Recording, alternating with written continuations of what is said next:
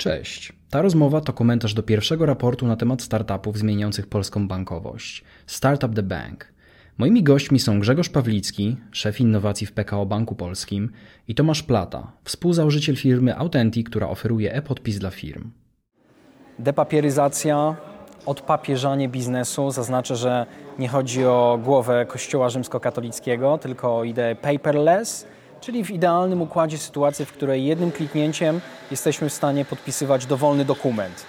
To jest pomysł, na którym zbudowano Authenti, które reprezentujesz Tomasz i to jest pomysł wart miliony złotych, które wyłożyły współpracujące ze sobą trzy polskie banki, banki na polskim rynku i jednym z nich jest PKO, które reprezentujesz Grzegorz. No nie mogę sobie nie pozwolić na to pytanie. Chciałbym poznać dwie perspektywy, może będą zbieżne, może będą różne, ale dlaczego idea paperless jest tak wartościowa i dlaczego jest tak ważna? Kurczę, żyjemy w XXI wieku, prawda? Otoczeni jesteśmy cyfrowymi rozwiązaniami, a ciągle jeszcze w Polsce i w większości krajów na świecie, kiedy przychodzi podpisać dokument, drukuje się go, podpisuje odręcznie, skanuje, wysyła pocztą czy kurierem. Dzisiaj absolutnie tak tego e, nie trzeba robić.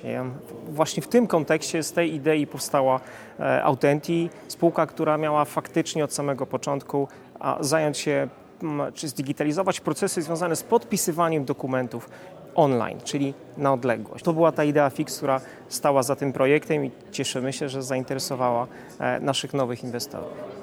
Z punktu widzenia PKO Banku Polskiego, największego banku w Polsce i milionów klientów, które obsługujemy, jak najbardziej idea cyfryzacji jest wpisana w naszą strategię i nasze DNA. Od, od wielu lat e, rozwijamy nasze kanały internetowe, serwisy e, mobilne, więc sam papier, który dziś idzie z tyłu i z wymogami regulacyjnymi, podpisami, tak zwanymi długopisami, no, no wydaje nam się, że już troszeczkę odstaje od tych trendów światowych, od tego, co się dzieje, od, od tego, czego potrzebują klienci przede wszystkim. Więc tutaj rozwiązanie Autenti idealnie wpisuje się w strategię naszą transformacji cyfrowej, którą od e, wielu lat budujemy i, e, i szukamy takich rozwiązań innowacyjnych, które możemy wpleść w łańcuch wartości naszych produktów i zaoferować naszym klientom.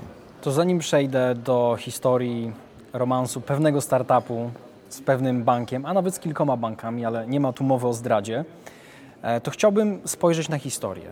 Na historię Authentic, które, nie bójmy się tego słowa, jest dinozaurem i w naszej rozmowie jeszcze parę słów z terminologii archeologicznej myślę się pojawi, ale nie jest to nic pejoratywnego. Autent istnieje od 2012 roku. Czy mógłbyś, Tomasz, przeprowadzić nas przez kamienie milowe, najważniejsze kamienie milowe w historii Autenti i zwrócić też uwagę na coś, co wydaje mi się szczególnie istotne w historii tego startupu, a mianowicie i też coś, o czym się często zapomina, jak jedna zmiana w otoczeniu prawnym jest w stanie całkowicie zmienić krajobraz rynkowy, przed którym stoi startup czy nadać temu właściwy rozpęd. No faktycznie nie byliśmy typowymi startupami, co widać po włosach na mojej skroni.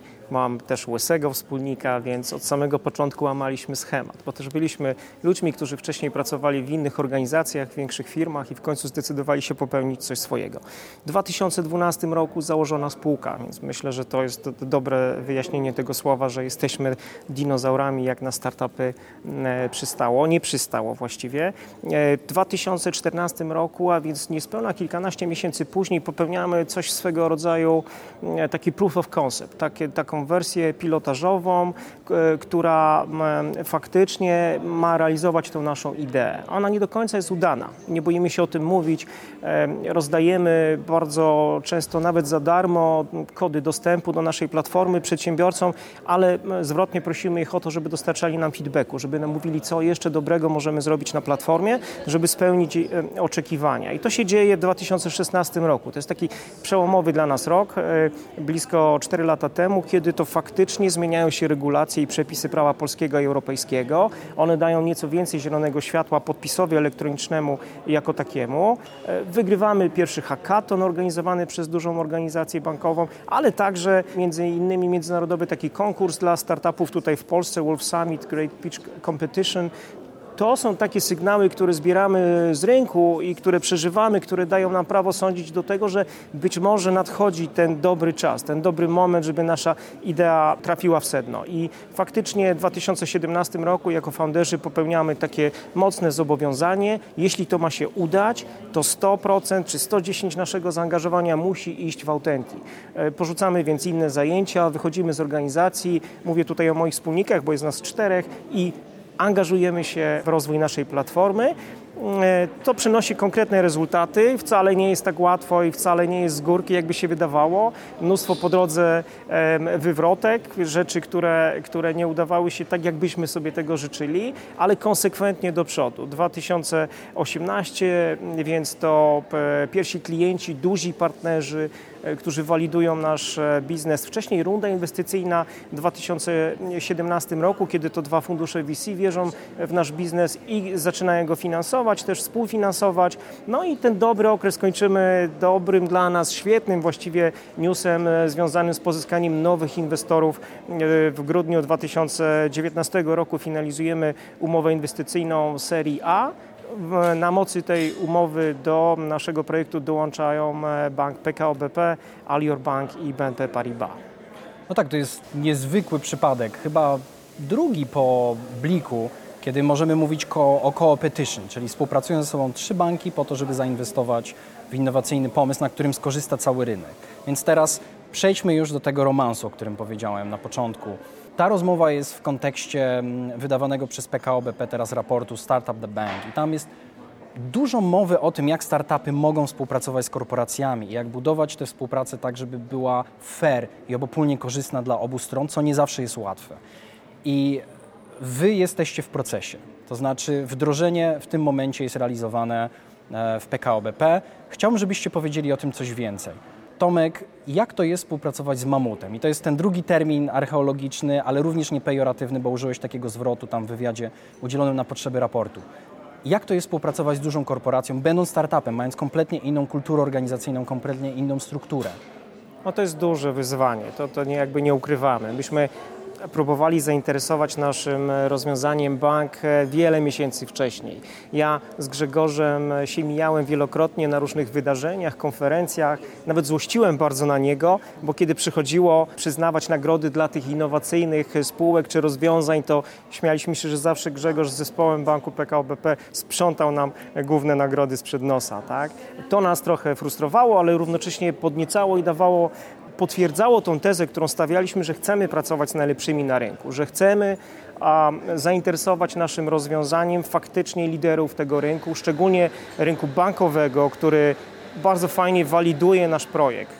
Mamy mnóstwo klientów, ale ci pierwsi bankowi faktycznie ugruntowali naszą pozycję na rynku. Dali nam tą referencję dobrą, by e, robić e, projekty także w innych branżach. Więc pukaliśmy wielokrotnie do banku, budowaliśmy relacje z przedstawicielami tej instytucji, próbowali zainteresować naszym rozwiązaniem. Potem musieliśmy się skoncentrować na tym języku korzyści, pokazać bankowcom, naszym kolegom przyszłym rozwiązania, które faktycznie celują w ich potrzeby, a potem zachęcić właśnie do takich pilotaży, w których dzisiaj uczestniczymy, czyli pokazać konkretne rozwiązania w krótkim okresie czasu, które mogą być korzystne czy dla banku, czy dla e, klientów banku.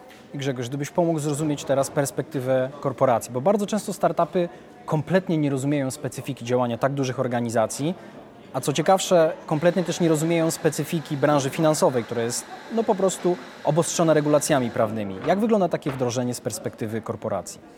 Tak, tutaj dobre, dobre padły punkty. Rzeczywiście mijaliśmy się wcześniej.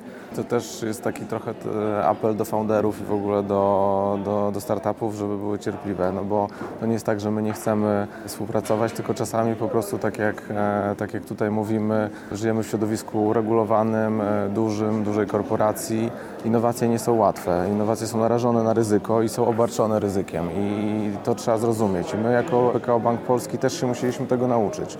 Zaczęliśmy współpracę ze startupami kilka lat temu, gdzieś wspinając się po szczeblach doświadczenia przy, przy współpracy z organizacjami takimi jak MIT Enterprise Forum czy, czy innymi wspierającymi ten ekosystem. Aż w końcu zbudowaliśmy program Let's Fintech, który ułożyliśmy w miarę proceduralnie i procesowo tak, żeby najlepiej e, i najszybciej się dawało prototypować i, e, i eksperymentować. Tak? I to się sprawdza?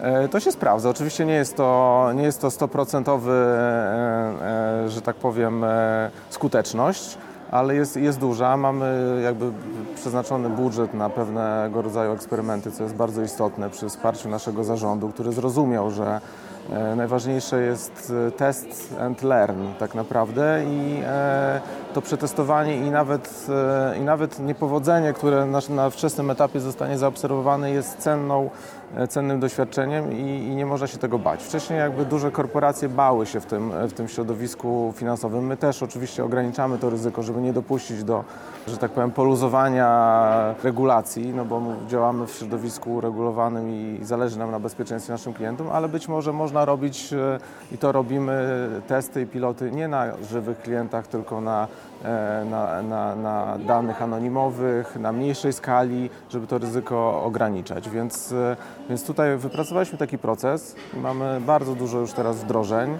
E, część z nich się przebija, idzie dalej, e, się komercjalizuje, że tak powiem. Czyli każdemu startupowi zależy, żeby się skomercjalizować, żeby się przebić do tej oferty produktowej banku. I mamy takie wdrożenia, jesteśmy w stanie się nimi pochwalić. Niektóre idą lepiej, niektóre gorzej.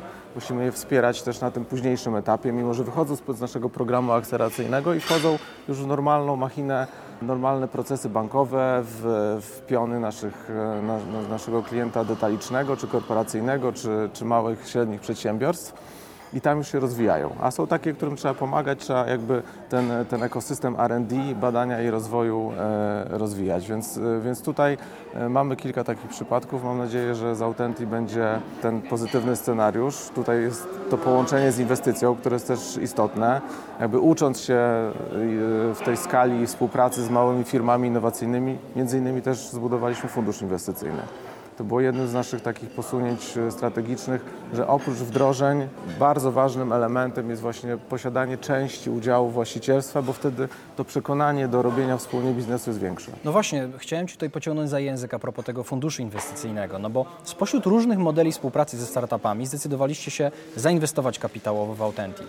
I czy nie kształtuje to też relacji biznesowej, nie buduje to pewnej podległości, no bo w końcu jesteście częściowo właścicielami Authentic? Mm, częściowym, ale nie większościowym. To tutaj też się uczymy na, na tym polu. Po to taka konstrukcja funduszu inwestycyjnego została założona właśnie między innymi, żeby nie podcinać skrzydeł też startupowi, żeby on miał e, większościowy udział, e, a wspierać e, być, partycypować w właścicielstwie tego, tego przedsięwzięcia po to, żeby mieć większe, e, większą chęć i większą moc decyzyjną, ale też e, czerpać z korzyści, które ten startup e, osiągnie I, i, i te korzyści, żeby się wymieniały. Tak? My jako bank mamy dużo bazy klientów, mamy doświadczenie, mamy pewne, pewne, pewne też procesy i procedury i systemy informatyczne. Z kolei bardzo lubimy współpracować z zespołami młodymi, prężnymi, które są w stanie szybciej pokazać nam albo wdrożyć, albo przetestować na rynku już gotowe rozwiązanie, do którego być może my musielibyśmy dochodzić troszeczkę dłużej. Więc tutaj taki mariaż e, e, dwóch stron wydaje nam się super. W tym przypadku jeszcze z innymi bankami, tak jak zwróciłeś uwagę, unikatowe na e, posunięcie na rynku, aczkolwiek na świecie zdarzają się takie, takie inwestycje. Jest, jest takich trochę. Wydaje nam się tym bardziej jeszcze ciekawym polem do popisu, bo czegoś takiego wcześniej nie robiliśmy. No, no był case Blika, ale on był troszeczkę inny, bo to tutaj nie było kupienie startupu, tylko jakby e, wyinkubowanie rozwiązania, które pochodziło z PKO Banku Polskiego, z aplikacji ICO i jakiejś tam funkcjonalności płatności mobilnej. Więc tutaj jest, jest pierwszy taki case w Polsce, który, e, który za, zauważyliśmy i też koledzy z innych banków to przeszli troszeczkę tą, tą ścieżkę współpracy z Autenti e, i przetarli szlaki a my żeśmy dołączyli na etapie inwestycji, ale teraz mamy nadzieję, że e, wesprzemy startup w naszych procesach i we wdrożeniach. I mamy plan na naprawdę ciekawe tutaj produkty, zarówno wewnętrzne, no bo wiemy, że duże organizacje takie jak banki, ale nie tylko produkują setki tysięcy, jak nie miliony papierów wewnętrznych i procesów które oczywiście usprawniamy i digitalizujemy, ale też e, w relacji z klientem on też cały czas występuje ten papier i chcemy go po prostu eliminować. Jednym z produktów tego raportu, w kontekście którego rozmawiamy, czyli Startup the Bank, jest e, tak zwany dekalog, czyli lista 10 życzeń od startupowców kierowanych w stronę korporacji, jak układać tę współpracę między nimi lepiej. Także chciałbym teraz poprosić bez cenzurowania się, jakbyś Tomasz miał powiedzieć o ryzykach i korzyściach związanych ze współpracą z wielkimi Powiedz to tak, jakbyś chciał, żeby usłyszeli Cię inni founderzy, którzy myślą o takiej współpracy. No, to jest bardzo dobre pytanie. Founderzy powinni, a przynajmniej radziłbym im, by, by byli bardzo wytrwali faktycznie to, co mówił Grzegorz wcześniej, to są duże organizacje, mają swoje standardy. My bardzo często tych standardów nie rozumiemy.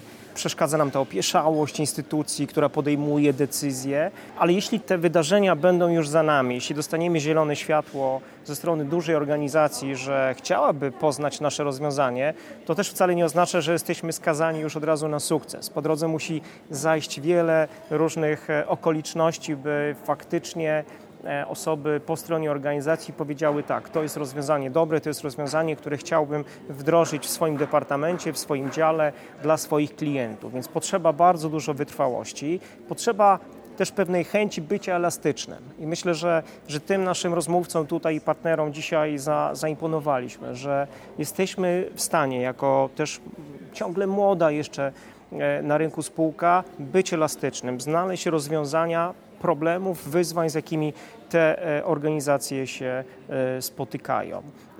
Zbudowaliśmy te relacje, rzeczywiście randkowaliśmy ze sobą, spotykaliśmy się w różnych okolicznościach, ale na koniec dnia było bardzo ważne, że faktycznie na, na banki uwierzyły w to nasze rozwiązanie i popatrzyły na to jako budowanie pewnego standardu, standardu ponad podziałami. To było dla nas bardzo mobilizujące, to dało nam wiatr w żagle, to powoduje, że dzisiaj moim jedynym problemem, czy problemem e, moich kolegów w organizacji jest po prostu zrealizować nasze e, cele i te zobowiązania, które złożyliśmy po stronie teraz także naszych współwłaścicieli.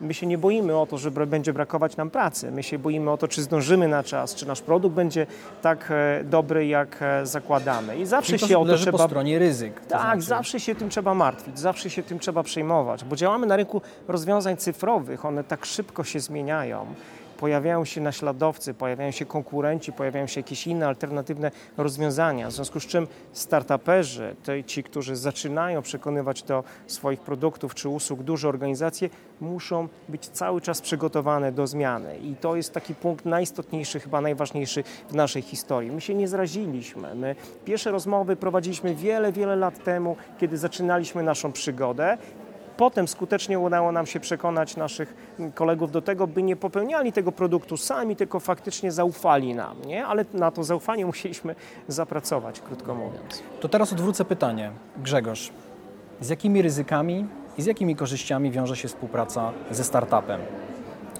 Zacznę od ryzyk. No przede wszystkim chcę współpracować e, z firmami, które dostarczają dobrą jakość. Także startup, który no nie ma doświadczenia jeszcze, nie ma referencji, nie zrobił dużych wdrożeń, jakby nie, nie przetarł e, swoich rozwiązań na, na komercyjnych dużych e, ilościach klientów, E, jest to obarczone ryzykiem, no bo my po prostu współpracując z takim startupem nie wiemy, czy nie narażamy siebie jako, jako swój bank też na potencjalne niedociągnięcia, kłopoty, tak, które będziemy mieli. Więc tutaj musimy jakby po tej stronie, po naszej stronie zabezpieczyć to do tego stopnia, żeby do tego nie doszło, więc to jest główne ryzyko. Oczywiście musimy poznać ludzi, tak? zobaczyć, czy oni są właśnie w stanie z nami współpracować też rozumieją nasze, nasze potrzeby. Tak? To jest taka fajna sugestia, którą ja zawsze startupom mówię, wejdźcie w buty banku, tak? nas. Tak? My jesteśmy obłożeni regulacjami, ale też procesami. Mamy też własne systemy, własnych, własnych podwykonawców. Nie możemy rzucić wszystkiego i, i z Wami współpracować. Jeżeli startupy jakby rozumieją nasz, e, nasz biznes, na, naszą potrzebę klienta i starają starają się wejść w nasze buty, dużo łatwiej jest nam współpracować z nimi. Więc tych ryzyk jest Przepraszam Grzegorz, że przerwę. Czy ty wiesz, że my stawaliśmy się incognito waszymi klientami przed spotkaniami po to, by poznać te produkty i usługi, po to, żeby przeżyć te doświadczenia i z tym feedbackiem wrócić, potem przygotować się lepiej do prezentacji? To jest odrobienie pracy domowej. No, trochę tak. Dokładnie, ale to, to też czasami to wychodzi, czasami nie. Po prostu banki są tak dużymi organizacjami, że mogą robić taki projekt sami, aczkolwiek te, w, tej, w tej linii biznesowej nie jest to akurat priorytet, że mimo, że jest super startup, super firma technologiczna, to w danym momencie, w danym czasie, tak jak to było miejsca, po prostu nie ma dla niej miejsca. Tak? To, nie, to nie znaczy, że procesy nie działają, czy, czy ludzie są nie, e, nieskłonni do współpracy, tylko jest, musi zajść pewien zbieg okoliczności de facto, zaistnieć w czasie, e, musi dojrzeć produkt, że stanie się na niego właśnie teraz potrzeba i nisza i wtedy to zaskoczy. Więc to jest zbieg okoliczności tak naprawdę dobrej jakości firmy, potrzeby biznesowej, ale też trochę szczęścia i, i, i tego otoczenia rynkowego, które, które musi zaistnieć. Teraz się bardzo dużo rzeczy dzieje i bardzo dużo rzeczy wdrażamy w banku też e, takich e, innowacyjnych. E, więc oczywiście też czas. Więc to ryzyko, tak jak, tak jak pytasz, no to jest cierpliwość przede wszystkim, bycie zdolnym na odpowiadanie na wiele rodzajów pytań, dosyłanie dokumentacji, możliwość testu, E, to jest, to jest bardzo ważne, więc, e, więc to są główne ryzyka. A, a, a korzyści, jakie, jakie są, no to też myślę, że nie muszę mówić, mogą być duże, bo, bo po prostu możemy się razem wyskalować i pomóc. Tak? I my, my z tego korzystamy i też startup z tego korzysta. W tym wypadku, jak mówimy o Autenti, to możemy mówić o zysku dla całego rynku. To naprawdę może być game changer, tak podobnie jak było z Blikiem. Czego ja sobie bym także życzył. To na koniec, żeby postawić kropkę nad i, jedna rada od startupowca dla banków, i jedna rada od bankowca dla startupów. Tomasz. Wydaje mi się, że to, czego potrzebują startupowcy, to po prostu takiego zielonego światła i trochę przestrzeni, w której mogliby się wykazać. Więc zaufajcie, drogie organizacje, tym mniejszym spółkom, mniejszym firmom, które na pewno nie mają takich doświadczeń, które którym mnóstwo brakuje jeszcze do szczęścia i do sukcesu, ale dajcie im trochę przestrzeni. Nawet to, co mówił Grzegorz wcześniej, godząc się na to, że to doświadczenie może nie zakończyć, nie musi zakończyć się sukcesem i powodzeniem, by mogli się wykazać, by mogli stworzyć rozwiązania, nawet prototypy rozwiązań, które, na które popatrzycie wtedy z zupełnie innej perspektywy. Czyli wracamy do pilotaży, które trochę zaginają tak. prawa fizyki w korporacji. Potrzeba trochę tej przestrzeni, trochę zielonego światła, trochę czasu i powiedzenia sobie, dobrze, jest firma X, damy im tą możliwość, to nas do niczego jeszcze nie zobowiązuje, ale niech oni pokażą się w ramach naszego inwentory z tym, co faktycznie oferują. Czy to będzie dla nas dobre? Przekonamy się dopiero wtedy, kiedy poczujemy tą usługę czy produkt, zobaczymy jak działa. To chyba z, z mojej perspektywy tych ostatnich lat doświadczeń nie zawsze udanych, e, które doprowadziły nas dzisiaj do tego dobrego, szczęśliwego momentu, chyba byłby ten najważniejszy punkt. Ja mam kilka rad, oczywiście ciężko wybrać tą jedną, tą najważniejszą. Myślę, że ta najważniejsza to jest właśnie to, co powiedziałeś, odrobić pracę domową, wejść w buty troszeczkę banku, e, żeby poznać też nasze potrzeby i być cierpliwym, w sensie nie od razu oczekiwać wielkich wdrożeń, tylko zacząć małymi kroczkami i być cierpliwym, że, że bank w końcu zrozumie i dostrzeże, że tak powiem, potencjał i dać mu, to, e, dać mu to rozwiązanie i pomóc rozwiązać te problemy, które my mamy wewnętrzne. No i oczywiście też e, jakby mieć świadomość rynkową, czyli mówię o tej odrobieniu pracy domowej, wiedzieć jakie są produkty, z jakimi my się borykamy e, problemami, bo wielokrotnie przychodzą do nas startupy, które, którym się wydaje, że mają najlepsze rozwiązanie na świecie. Oczywiście ono jest super, ale w realiach naszych bankowych nie znają naszych wszystkich procesów i, procedur i, i obostrzeń, które z którymi my się musimy borykać po prostu, żeby im pomóc. I, i, moim takim, e, takim celem jest, żeby nie dochodziło do takich sytuacji, że, e, że startupy myślą, że my nie wykazujemy wolne, dobrej woli w, we współpracy, tylko czasami po prostu potrzebujemy e, większej tej, tego zaangażowania dwustronnej i cierpliwości. To powiem Ci Grzegorz, że powiedziałeś słowo w słowo to, co powiedział Tomek Rudolf e, podczas mojej rozmowy z nim, kiedy zadałem mu to samo pytanie, czyli odrób pracę domową, szczególnie kiedy jesteś za bardzo zakochany w swoim pomyśle, a każdy founder jest bardzo zakochany w swoim pomyśle.